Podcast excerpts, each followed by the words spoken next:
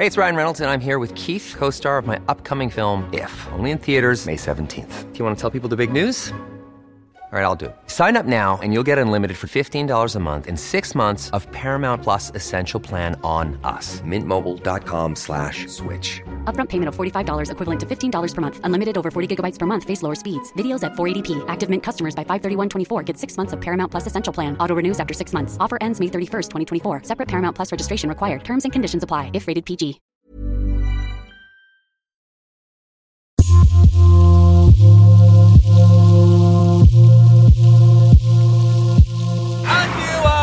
ابن العقبة عالديوان عالديوان يا ابن العقبة عالديوان نعم. وابن الواصل عينتوه وابن الواصل عينتوه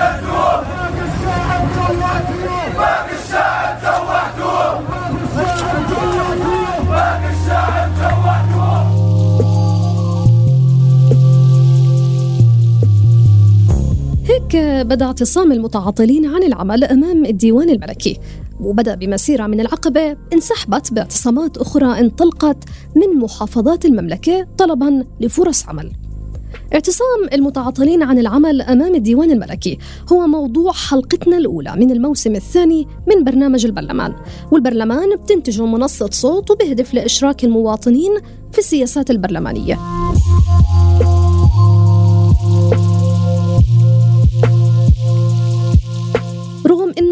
الأول من المادة 23 من الدستور بتنص على إنه العمل حق لجميع المواطنين وعلى الدولة أن توفر للأردنيين بتوجيه الاقتصاد الوطني والنهوض فيه توجه متعطلون عن العمل من العقبة انضم لهم عدد من المتعطلين من المحافظات في مسيرة للديوان الملكي بلشت في شهر اثنين من السنة الحالية وطالبوا فيها بالحصول على فرصة عمل.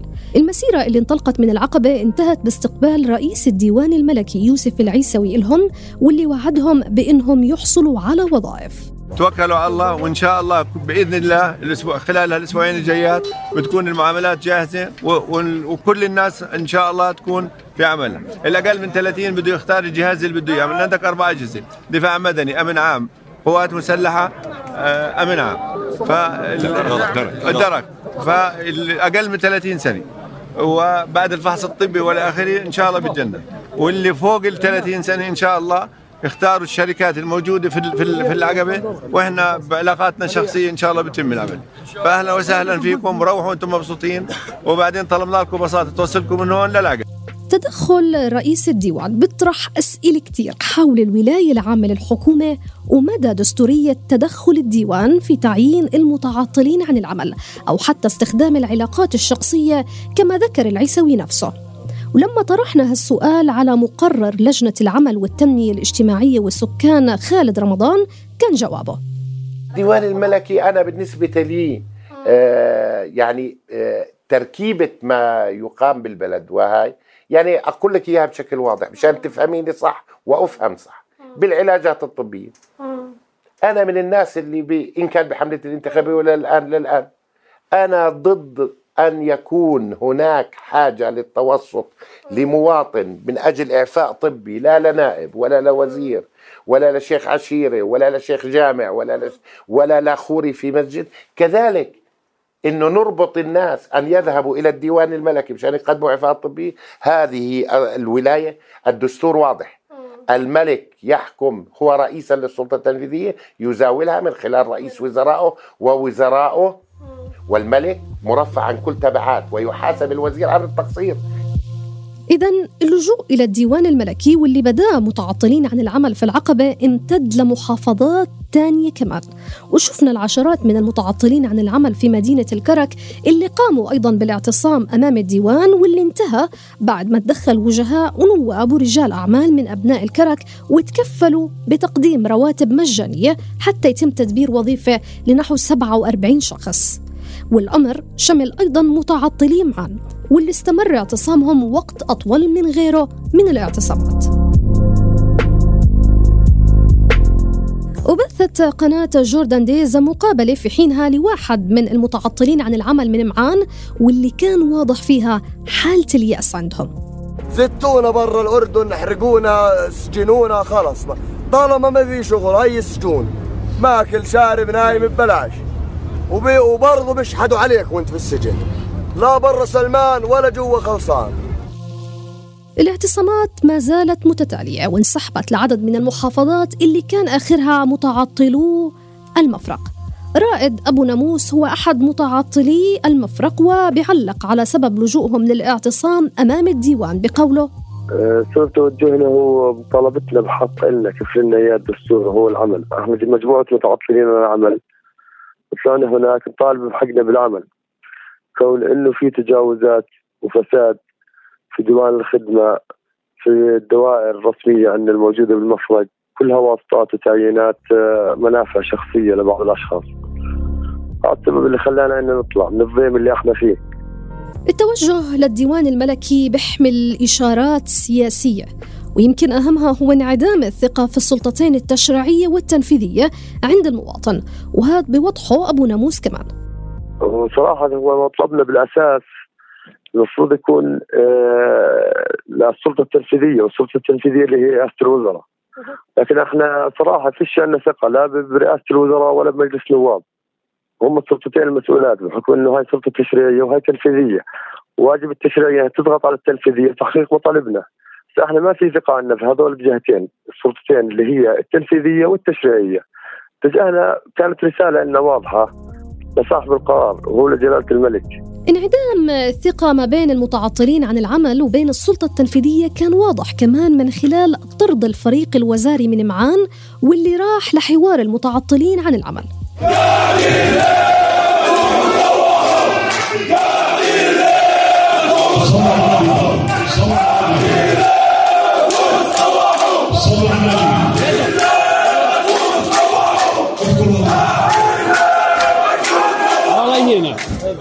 بود نشعر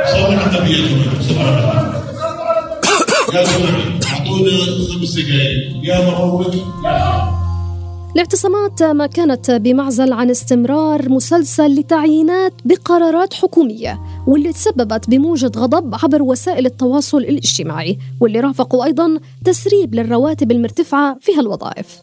وعلى أثر هذا التسريب أصدر قرار لرئيس الوزراء عمر الرزاز بإلغاء هاي التعيينات.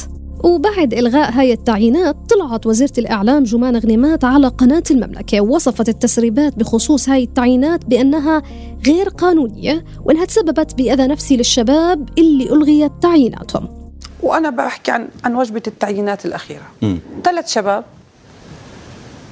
آه تم تسريب كتب تعيينهم وهذا أمر لا يجوز قانونيا. آه ثم بعد ذلك بدأ الهجوم الكاسح عليهم على اعتبار أنهم اختطفوا فرص غيرهم أو أخذوا فرص لا يستحقوها. أنا للأمانة شفت الفيديو اللي قدمه واحد من الشباب نعم. آه اللي آه تم يعني إنهاء الوظيفة اللي حصل عليها وقدرت حجم الأذى النفسي اللي وقع عليه آه من هجوم الناس واستكثار هذه الفرصة عليه. تصريحات وزيرة الإعلام جمان غنيمات عبر قناة المملكة حول التعيينات الأخيرة لثلاث أشخاص في وقت اعتصامات المتعطلين عن العمل أثارت احتجاجات نيابية. كان من ضمنها انتقاد وجهته النائب إنصاف الخوالد الغنيمات في جلسة نيابية. سكوتك فضيلة وكلامك فضيحة. وزيرة الإعلام تطلع علينا على قناة المملكة يا دكتور نصار الأردنيين قاعدين بيستفزوا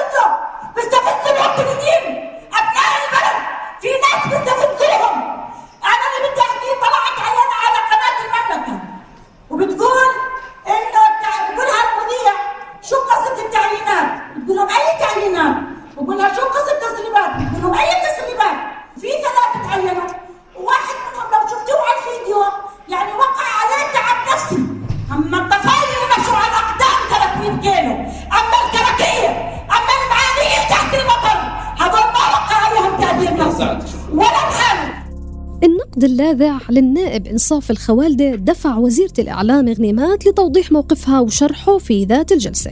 أنا أكون كل احترام وتقدير لكل شاب أردني وأكون كل التزام حكومي بالبحث عن حلول لهؤلاء المشاكل. لم يكن القصد مما الإساءة لأحد أو تقليل من شأن أحد. أنا قلت إنه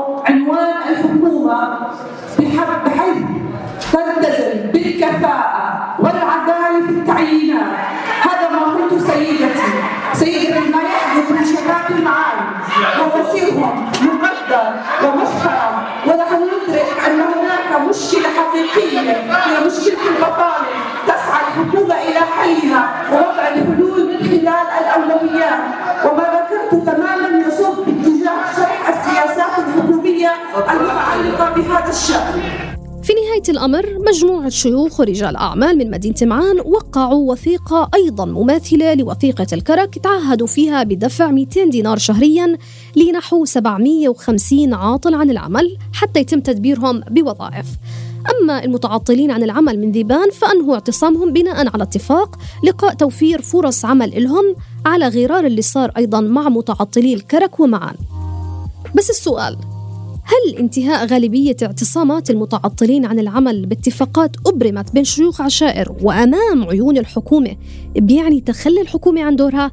هذا اللي بجاوبنا عنه النائب خالد رمضان علينا أن نذهب للناس ونبدأ ومش حملة إعلامية نرسل وزراء على المحافظات ونرسل آه، داعية آه، رئيس الخدمة المدنية الجديد الذي يعتقد بالخطاب أكثر مما ينعكس لأنه ما عنده إمكانات.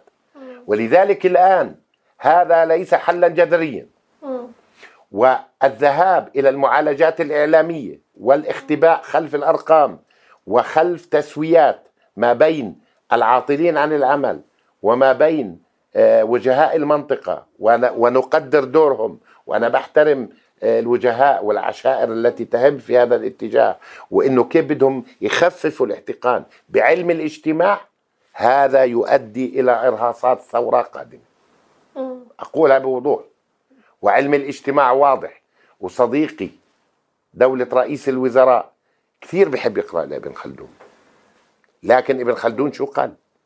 على رأس الدولة حينما يقرأ إرهاصات فوضى أو تظلم لدى العامة أن يبادر إلى ثورة بالبناء الفوقي سلمية من أجل امتصاص ثورة قد تبدأ بفوضى. يبدو أنه الاعتصامات ما انتهت فمطالب المعتصمين اللي انطلقت من غالبية المحافظات ما زالت بتتركز على المطالبة بفرصة عمل والحصول على الأمان الوظيفي واللي ما بيعني بالضرورة حله ضمن اتفاقات حصلت مؤخرا. أبو ناموس بيحكي لنا. أنا مطالبتي الوظيفة أصلا في الأساس هي الأمان الوظيفي. أنا مش مستعد أشتغل أي شيء وابن المسؤول قاعد بيشتغل كل شيء يعني على مؤاخذه حتى بالظلم بنطالب بالمساواة قاعدين. وبالرغم من اللي أثير عبر شبكات التواصل الاجتماعي حول موضوع ثقافة العيب عند المتعطلين عن العمل إلا أن المتعطلين عن العمل بيأكدوا مطالبهم بوظيفة وأمان وظيفي وتأمين صحي وضمان اجتماعي وهي جميعها حقوق يفترض أنه الدستور كفلها. ومجموعة من متعطلي معان وضحوا هالمطالب عبر ما تم تداوله عبر شبكات التواصل. إحنا كل هدفنا نيجي كمواطن أردني الي حقوق بدي أخذها. أبسط حقوق إلي فيهن وظيفتي. أنا مش مجبور إني أشحد عشان أكل لقمة عيش.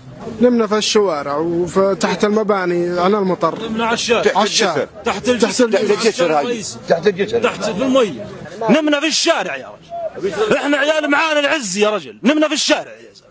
أكثر من هيك في شيء. أنا وظيفي نتعين 200 ليره في البلديه موافقين. أنا أول واحد بلبسها وبنزل أخدم بلدي. كلنا ننزل. أنا مستعد اليوم أداوم شهر. سنه ببلاش بس إني أتعين في النهايه ضمان بدنا تأمين بدنا. هسه اي واحد فينا لو يقع بده يروح على مستشفى أول ما بقول لك تأمين ما معاه بدك تدفع 50 ليرة. ولا واحد هذا من اللي قاعدين معاه 50 ليرة. مستعد حارس في مديرية الأشغال 300 ليرة. أو حارس في الزراعة أو حارس في التربية.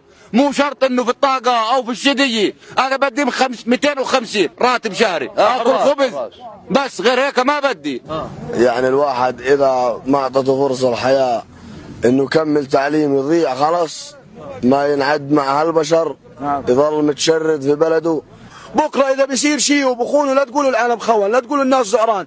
هذا العالم جاي تدور على إيش؟ أقل واحد هنا له خمس ست إخوان.